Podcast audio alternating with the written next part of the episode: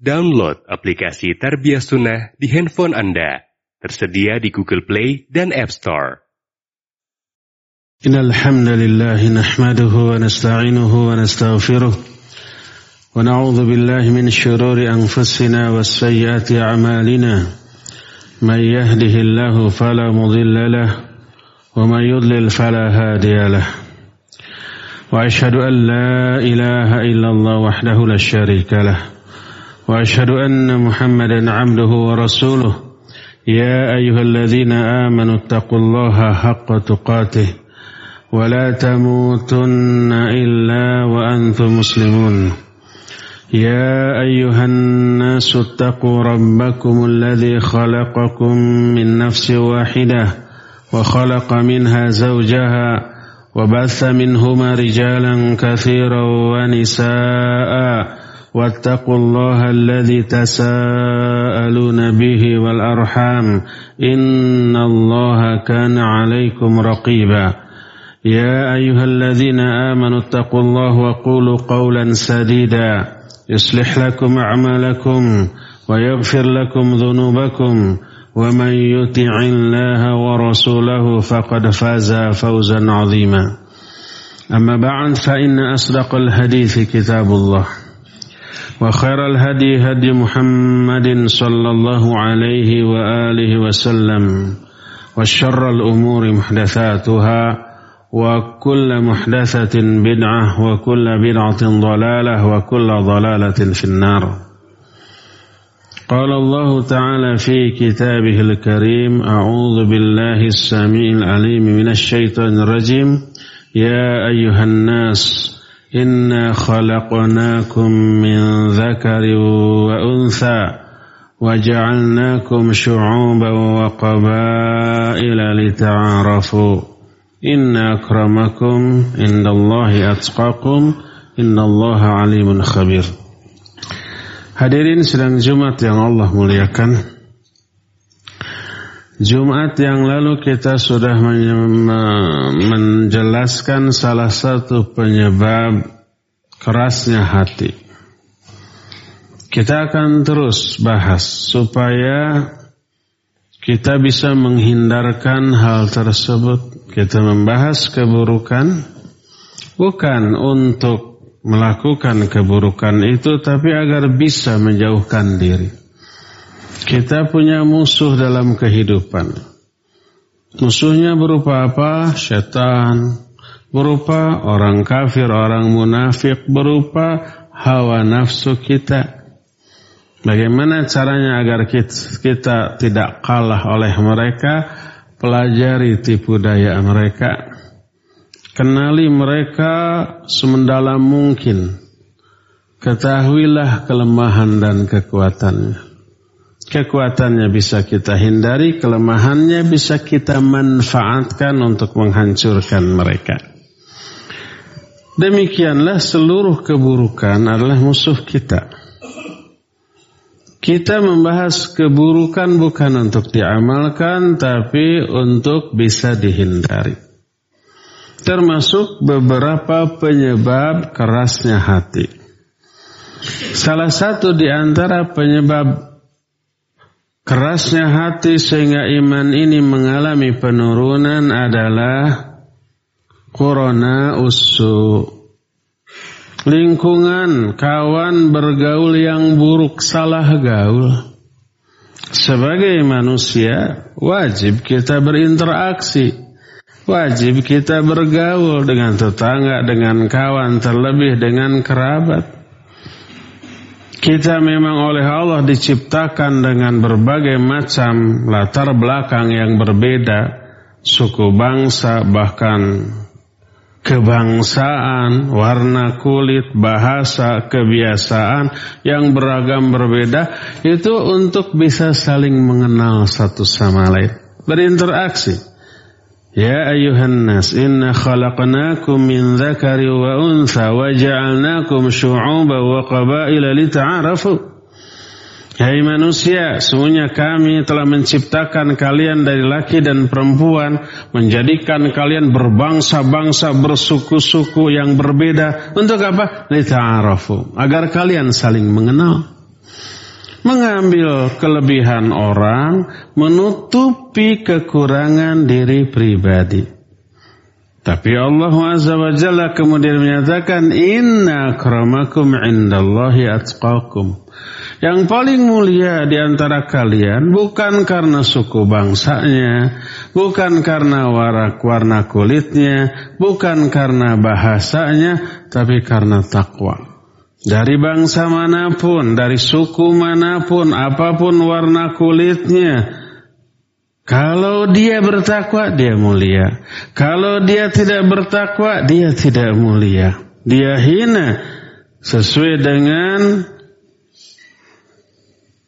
tipisnya kadar keimanan dan kadar ketakwaan. Kita wajib gaul. Tapi ketika bergaul, Wajib pilih-pilih kawan. Wajib kita memilih-milih siapa yang menjadi orang dekat kita. Kenapa? Karena kedekatan kita dengan orang lain berpengaruh besar kepada agama kita. Kepada ibadah kita, bahkan kepada akidah, tauhid dan iman kita. Bersabda Rasul sallallahu alaihi wasallam, Al-mar'u ala dini khalili falyanzur ahadukum khalil. Seseorang itu agamanya dipengaruhi oleh agama kawannya. Kawan ini pengaruhnya besar kepada agama kita. Baik buruknya agama kita sangat dipengaruhi oleh siapa yang menjadi kawan kita. Maka hendaklah setiap kalian memperhatikan dengan siapa kalian berkawan. Makanya berkata Fudail bin Iyad rahimahullah, Laisa syai'un ablagh fi fasadi rajulin wa salahihi min sahibin. Tidak ada sesuatu pun yang paling besar pengaruhnya dalam rusak agama atau kesolehan seseorang dibanding seorang sahabat. Peribahasa dalam bahasa Arab menyatakan as-sahib sahib. Sahabat itu mempengaruhi, sahabat itu menyeret, menarik orang lain untuk memiliki karakter seperti sahabatnya. Oleh karena itu kalau kita salah dalam memilih sahabat, salah dalam memilih kawan, orang itu dibenci, dimurkai oleh Allah, oleh kata dicintai. Orang itu jauh dari dari Allah, nggak ibadah, tidak melaksanakan perintah, melanggar larangan, jauh dari Allah. Eh kita dekat dengan dia. Bahaya itu. Bisa merusak, nanti kita bisa terbawa-bawa. Asalnya kita soleh, bergaul dengan orang yang salah, kita terbawa salah. Kita mukmin bergaul dengan orang fasik, terbawa fasik. Kita muslim bergaul dengan orang kafir bisa murtad. Saking besarnya pengaruh seorang sahabat. Dan sejarah sudah banyak menjelaskan hal tersebut. Banyak orang yang baik bergaul dengan orang yang buruk terbawa buruk. Sebaliknya orang yang buruk bergaul dengan orang yang baik demi memperbaiki diri, eh berubah terbawa menjadi baik.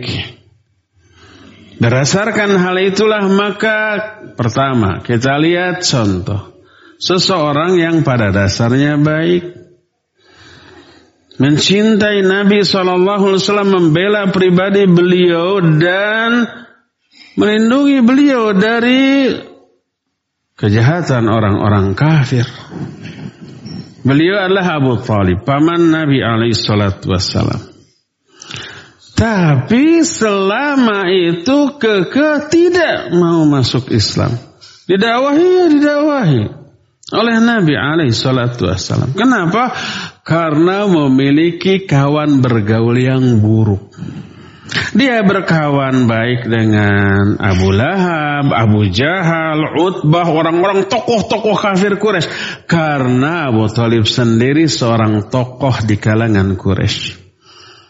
Dipengaruhi sampai ketika Abu Talib mau meninggal, Nabi Ali Shallallahu Wasallam mendatangi, menuntun agar masuk Islam. Beliau berkata, Ya ammi qul la ilaha illallah. Kalimatan asyhadu laka bika indallah, biha indallah. Hai bapamanku, ucapkan olehmu la ilaha illallah. Satu kalimat yang aku akan menjadi saksi di sisi Allah dengan kalimat itu di akhirat nanti. Belum Abu Talib mau mengucapkan la ilaha illallah, ada keinginan, ada. Sahabat dekatnya nih si Abu Jahal, si Abu Lahab, si Utbah langsung ngomong ya Abu ya Abu Talib atarghabu an millati Abdul Muttalib.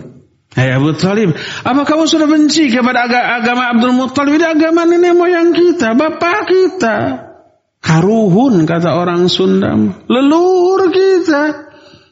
Jangan ditinggalkan. Nabi SAW kembali mengajak hai pamanku ucapkan oleh mula ilah illallah. Terus berebut pengaruh. Sampai akhirnya Abu Talib mati dalam keadaan tidak mengucapkan la ilaha illallah. Sedih beliau nangis. Seorang yang dekat dicintai besar jasanya kepada beliau dan Islam mati dalam keadaan musyrik. Ketika para ulama menjelaskan hadis ini, banyak faidah yang bisa diambil. Salah satu di antara faidah dari hadis ini adalah buruknya pengaruh kawan yang jelek. Punya kawan orang kafir, orang musyrik, ada keinginan untuk masuk Islam, dipengaruhi sampai akhirnya mati dalam keadaan musyrik. Saking sayangnya ini Nabi Ali Shallallahu Wasallam kepada Abu Talib, beliau berdoa kepada Allah memintakan ampunan. Bukannya dikabulkan, malah ditegur oleh Allah. Maka nalin Nabi walladzina amanu mahu ayastaghfirul musyrikin walau kanu dzal qurba. Tidak layak bagi seorang nabi dan orang-orang beriman bersama memintakan ampunan kepada orang-orang musyrik. Sekalipun orang musyrik itu kerabat terdekatnya. Seperti pamannya. Nggak nggak dikabulkan. Nggak diampuni itu dosa Abu Talib. Kemudian Nabi alaihi salatu wassalam berdoa lagi minta dengan permintaan di bawah tadi jangan diampuni karena nggak bisa tapi ringankan, entengkan azab untuk Abu Talib. Dikabulkan. Sehingga Abu Talib karena musyrik harusnya berada di kerak neraka, di tingkatan neraka yang paling bawah. Terangkat menjadi neraka tingkatan yang paling tinggi. Paling bawah, paling hebat siksanya, paling tinggi, paling ringan siksanya. Paling ringan itu cuma diberi sepasang sendal dari api neraka. Begitu dipakai apa yang terjadi? Ubun-ubunnya mendidih langsung. Itu yang paling ringan. Bayangkan yang paling beratnya. Waliyahzubillah. Allahumma ajirna minan nar. Allahumma ajirna minan nar. Allahumma ajirna minan nar. Karena itulah lalu Nabi Ali Shallallahu Wasallam menyatakan laula ana lakana fid darkil asfali minan nar. Seandainya bukan karena doaku, niscaya Abu Talib berada di tingkatan neraka yang paling bawah. Tapi karena doa Nabi SAW Abu Talib terkatral menjadi tingkatan yang paling tinggi dengan adab yang paling enteng. Yang paling ringan. Yang paling ringannya juga sudah sangat mengerikan. Ini Abu Talib mati dalam keadaan musyrik masuk ke dalam neraka. Salah satu penyebabnya apa? Sampai tidak mau masuk Islam. Baru ada kecenderungan. Bagaimana tidak cenderung? Yang menyebarkannya orang yang dicintai. Yaitu keponakannya sendiri. Dengan kemuliaan akhlak yang tidak perlu diragukan. Kebenaran ajaran yang tidak perlu disangsikan. Kenapa nggak masuk Islam? Karena pengaruh kawan-kawannya. Oleh karena itu keburukan pengaruh dari corona usu atau kawan-kawan yang buruk berakibat buruk. Lahir batin dunia sampai akhirat. Salah satu bentuk keburukan dari kawan yang buruk hati menjadi keras, tidak mau menerima kebenaran, tidak mau menyerap hidayah dari Allah Azza wa sehingga dia menetap di dalam kebatilan yang menghancurkan, membinasakan dia dunia sampai akhirat. Dari sinilah maka wajib kita pilih-pilih kawan. Jangan memilih bersahabat dengan orang-orang buruk yang menyebabkan kita terbawa kepada keburukannya. Pilihlah bergaul dengan orang-orang soleh agar kita terbawa dengan kesolehannya. Barakallahu li wa lakum fil Qur'anil azim wa nafa'ni wa iyyakum bima fihi min al-ayati wa dzikril hakim wa taqabbalallahu minna minkum tilawatahu innahu huwas samiul alim.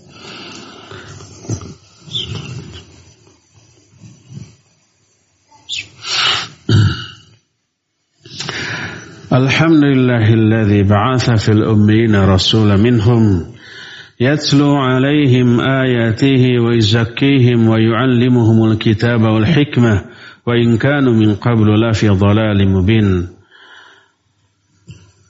واشهد ان لا اله الا الله الملك الحق المبين واشهد ان محمدا عبده ورسوله صادق الوعد الامين والصلاه والسلام على اشرف الانبياء والمرسلين وعلى اله واصحابه اجمعين ومن تبعهم باحسان الى يوم الدين وبعد ايها الحاضرون اوصيكم ونفسي بتقوى الله فقد فاز المتقون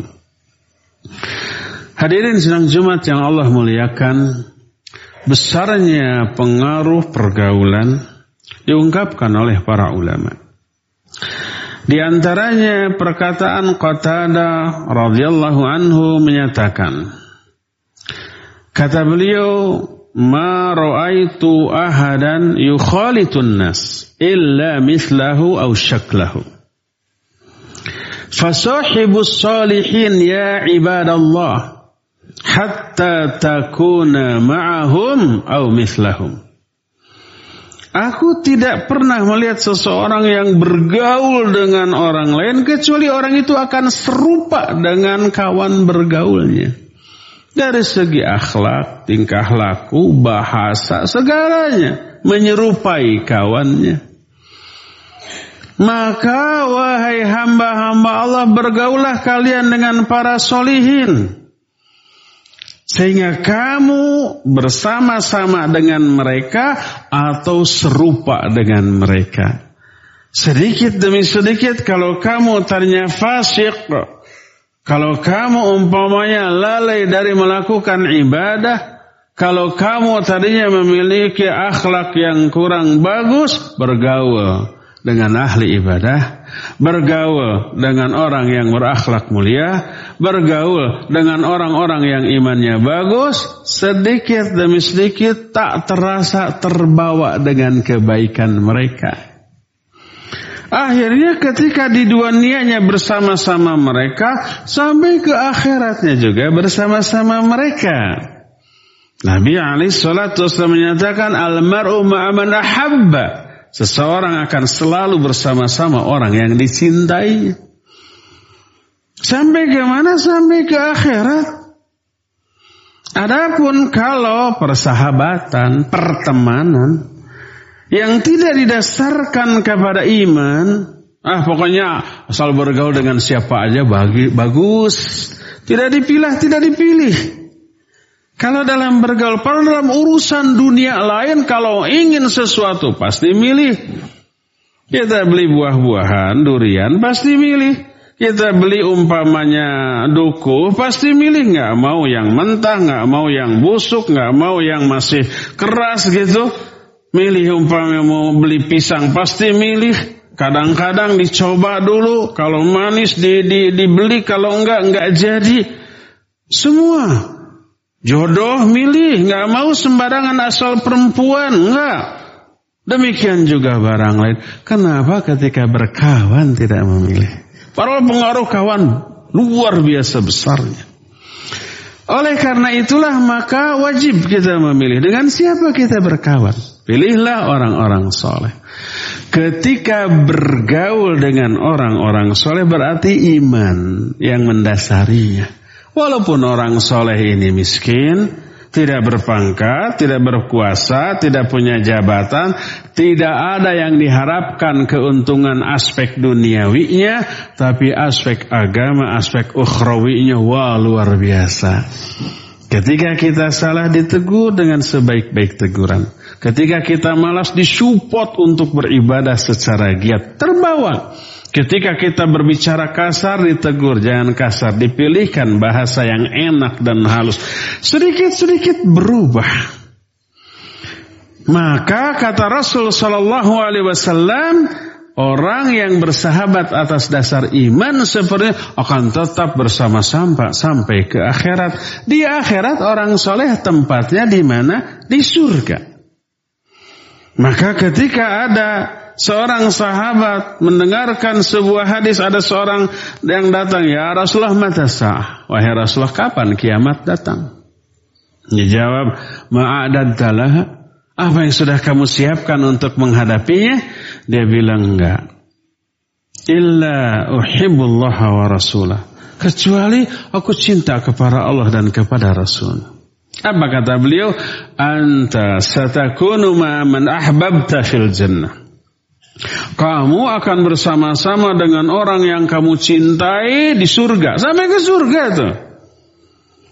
Maka mendengar itu Abdullah bin Umar menyatakan fauhibbur Rasul sallallahu alaihi wasallam wa Abu Bakr wa Umar wa arju an akuna ma'ahum. Maka aku mencintai Rasul wasallam, Abu Bakar dan Umar. Aku berharap kelak akan bersama-sama dengan mereka di surga walaupun amalku jauh berada di bawah mereka. Amalnya beda, nanti level surganya berbeda, tapi karena cinta kepada orang soleh terkatrol menjadi satu level di surganya dengan orang yang dicintai.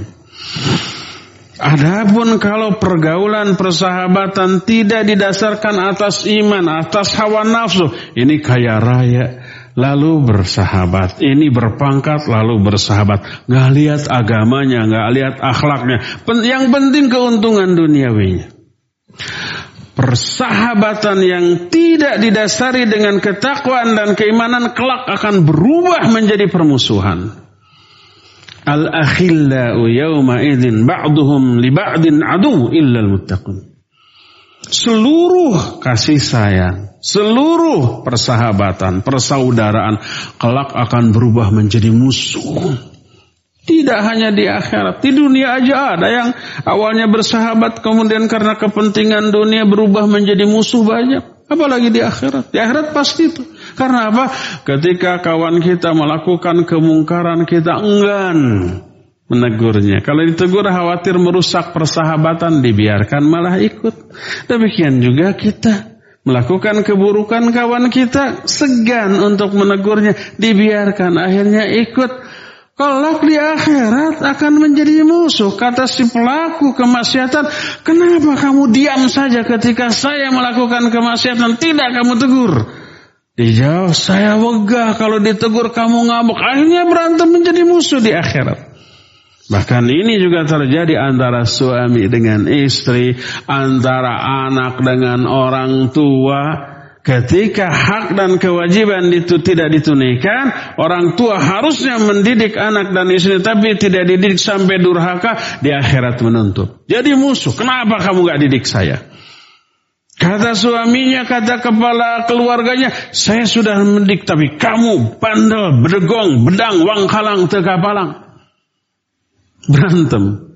Allah menyatakan inna min azwajikum wa auladikum aduwwan lakum.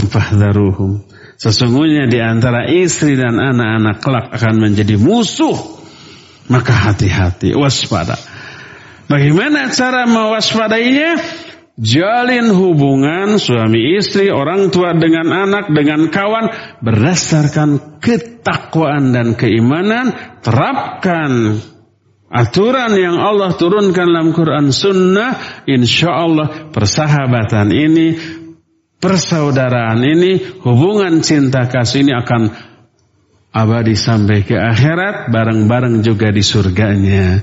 Allah menyatakan walladzina amanu wattaba'athum dzurriyyatuhum biiman alhaqna bihim dzurriyyatahum. Orang-orang yang beriman lalu diikuti oleh anak-anak turunnya dalam keimanan, maka kami gabungkan si anak itu dengan orang tuanya di surga bareng-bareng sehingga mengecap kebahagiaan bersama dengan kadar yang tidak bisa kita bayangkan di dunia ini. Semoga Allah Azza wa Jalla menjaga kita, menjaga kita dari pergaulan yang buruk dan menuntun kita kepada sesuatu amalan, pemahaman, pemikiran, akidah, keyakinan yang sesuai dengan yang Allah inginkan sehingga kita masuk ke dalam golongan orang yang selalu mencintainya dan selalu dicintainya dunia sampai ke akhirat. إن الله وملائكته يصلون على النبي. يا أيها الذين آمنوا صلوا عليه وسلموا تسليما. اللهم صل على محمد النبي العمي وعلى آله وصحبه وسلم. آمين. اللهم اغفر للمؤمنين والمؤمنات والمسلمين والمسلمات الأحياء منهم والأموات. ربنا ظلمنا أنفسنا وإن لم تغفر لنا وترحمنا لنكونن من الخاسرين. اللهم إنا ظلمنا أنفسنا ظلما كثيرا ولا يغفر الذنوب إلا أنت. فاغفر لنا مغفرة من عندك وارحمنا إنك أنت الغفور الرحيم. ربنا هب لنا من ربنا هب لنا من أزواجنا وذريتنا قرة أعين واجعلنا المتقين إماما. ربنا أوزعنا أن نشكر نعمتك التي أنعمت علينا وعلى والدينا وأن نعمل صالحا ترضاه. وأصلح لنا في ذريتنا إن تبنا ilaika wa inna minal muslimin rabbana hablana minas salihin rabbana hablana min ladunka dhurriyatan taibah innaka samid du'a rabba ij'alna muqimis salah wa min dhurriyatina rabbana wa taqabbal du'a Allahumma kfina bihalalika an haramik wagnina bifadlika amma siwak Allahumma inna na'udhu bika min ghalabati ad-dain wa ghalabati al-'adu wa shamatati al-'ada Allahumma inna na'udhu bika min al-baras wal junud والجنون والجذام وصيل الأسقام. اللهم إنا نعوذ بك من الهم والهزن والعز والكسل والبخل والجبن والهرم وعذاب القبر. اللهم آت نفوسنا تقواها. أنت خير من زك وزكيها. أنت خير من زكاها. أنت وليها مولاها. اللهم إنا نعوذ بك من علم لا ينفع ومن قلب لا يخشى. ومن نفس لا تشبع ومن دعوة لا يستجاب لها.